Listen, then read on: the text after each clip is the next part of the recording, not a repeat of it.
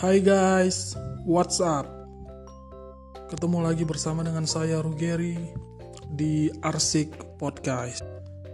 Hari ini aku mau ngomongin tentang sesuatu yang lagi viral di bumi pertiwi belakangan ini.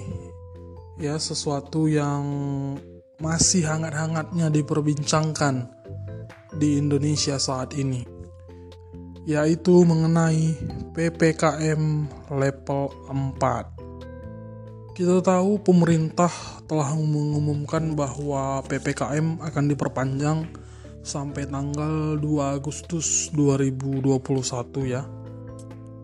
Pertanyaannya mungkin apakah semua teman-teman pendengar merasakan dampak dari PPKM tersebut? Atau apa dampaknya bagi kehidupan teman-teman semua akibat dari perpanjangan PPKM level 4 ini. Tentu kita semua pasti merasakan dampaknya. Sebelumnya eh, aku pribadi turut eh, berempati yang sedalam-dalamnya ya terhadap semua teman-teman khususnya teman-teman yang bekerja di mall-mall besar di Indonesia yang mana akibat PPKM ini banyak yang harus diberhentikan, banyak yang harus dirumahkan, dan banyak yang harus kehilangan pekerjaan mereka, yang mana itu adalah mata pencaharian mereka untuk dapat bertahan hidup. Bukan hanya itu, juga bagi para pelaku UMKM-UMKM seperti yang punya usaha eh, rumah makan, yang punya usaha berdagang, restoran, kafe, dan lain sebagainya yang mana dipaksa harus tutup akibat dari PPKM ini. Dan dampaknya juga masih banyak yang lain dalam tanda kutip dalam bentuk kesusahan. Contoh misalnya seperti aku pengguna KRL maupun pengguna busway yang mana selama ini dalam menggunakan KRL ataupun busway nggak ada masalah ya tinggal naik sampai pada tujuan. Sementara setelah diberlakukannya PPKM ini semuanya jadi sulit. Dipaksa harus mengurus STRP, surat tanda registrasi pekerja ataupun membuat surat tugas dari atasan instansi tempat kerja terkait dan proses pembuatan itu semua nggak gampang, nggak mudah, nggak segampang membalikkan telapak tangan. Itu perlu satu mekanisme dari atasan, kebawahan, dan lain sebagainya, tanda tangan, intinya semua jadi semakin ribet. Dan itu menjadi sangat viral ya di bangsa kita Indonesia, di bumi pertiwi, seluruh media-media, akun-akun media-media sosial juga memposting hal tersebut. Namun ada satu hal yang menarik dari sini ya saya pantengin media-media sosial seperti itu. Saya lihat saya baca komen-komen para netizen sejati Indonesia ya. Berbagai macam komen tentang PPKM ada nih yang unik ada yang lucu. Saat mereka membuat singkatan-singkatan lain dari PPKM misalnya ada yang buat PPKM ya. Pelan-pelan kamu menghilang ya. Ada lagi nih PPKM pernah pengen kemudian menghilang. Ada lagi PPKM pasti pernah kangen mantan. Ya. Pernah perhatian kemudian meninggalkan pelan-pelan kita menikah dan lain sebagainya. Nah, menurut uh, aku ya itu adalah satu hal yang positif ya Kenapa positif? Karena di situasi saat ini, ya dengan membaca hal-hal tersebut, itu akan membuat imun tubuh kita jadi semakin baik. Kenapa tidak? Iya nggak? Dengan membaca tersebut, otomatis kita merasa lucu dong. Kita bakal tertawa dong. Kita bakal apa? Bergembira dong. Yang mana itu dapat menunjang imun tubuh kita jadi semakin baik. Karena hati yang gembira adalah obat yang sangat manjur. Daripada kita stres mikiri situasi keadaan saat ini karena PPKM, toh mending kita happy, mending kita bergembira dengan hal-hal yang seperti itu. Ya enggak? Ya, dan tapi juga yang perlu kita pahami bersama di sini adalah bahwasannya pemerintah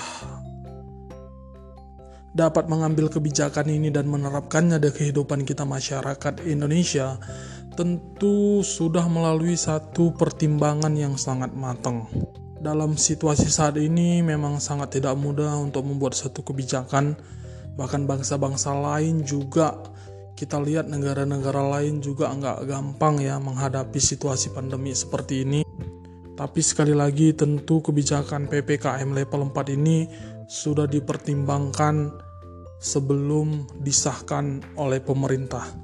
Namun tetap harapannya ya kiranya setiap kebijakan yang diambil dan diterapkan di dalam setiap masyarakat Republik Indonesia kiranya dapat disertai dengan satu solusi nyata.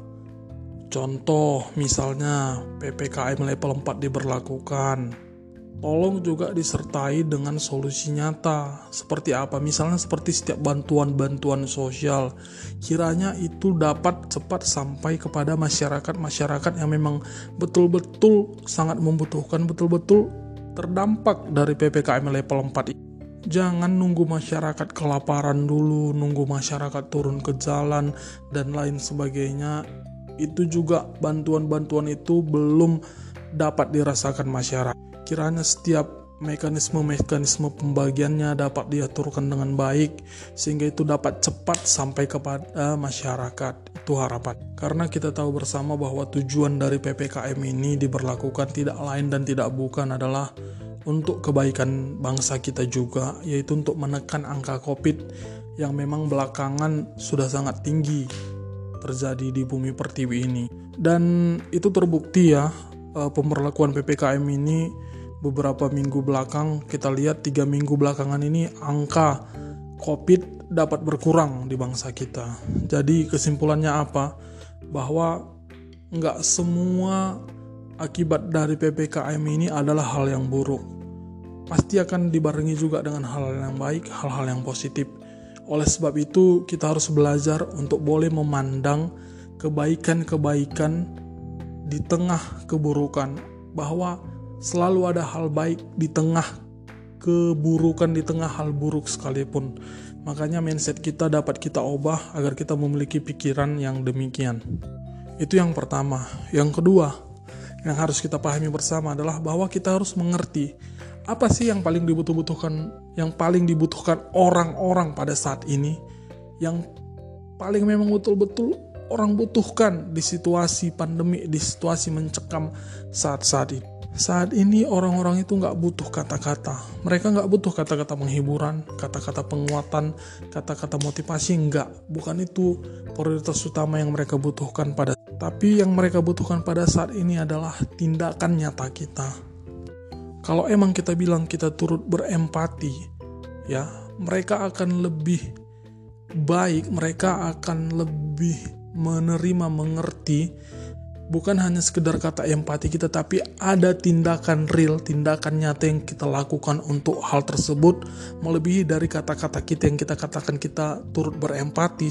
Contoh misalnya, misalnya nih teman-teman punya rezeki berlebih, teman-teman boleh beli sesuatu yang dapat membantu uh, teman-teman kita yang lain. Misalnya uh, kita sebut aja lah misalnya susu beruang seperti itu teman-teman boleh beli beberapa susu beruang dan teman-teman boleh kasih boleh beri kepada mereka memang yang betul-betul membutuhkan misalnya ada yang uh, kena covid lagi soman ya tapi dia nggak punya siapa-siapa kita tahu juga rumah sakit juga terbatas segala macam obat-obatan tapi teman-teman boleh berikan kepada dia dengan sukar. Mungkin nggak seberapa ya, mungkin buatlah itu uh, harganya 15 ribu.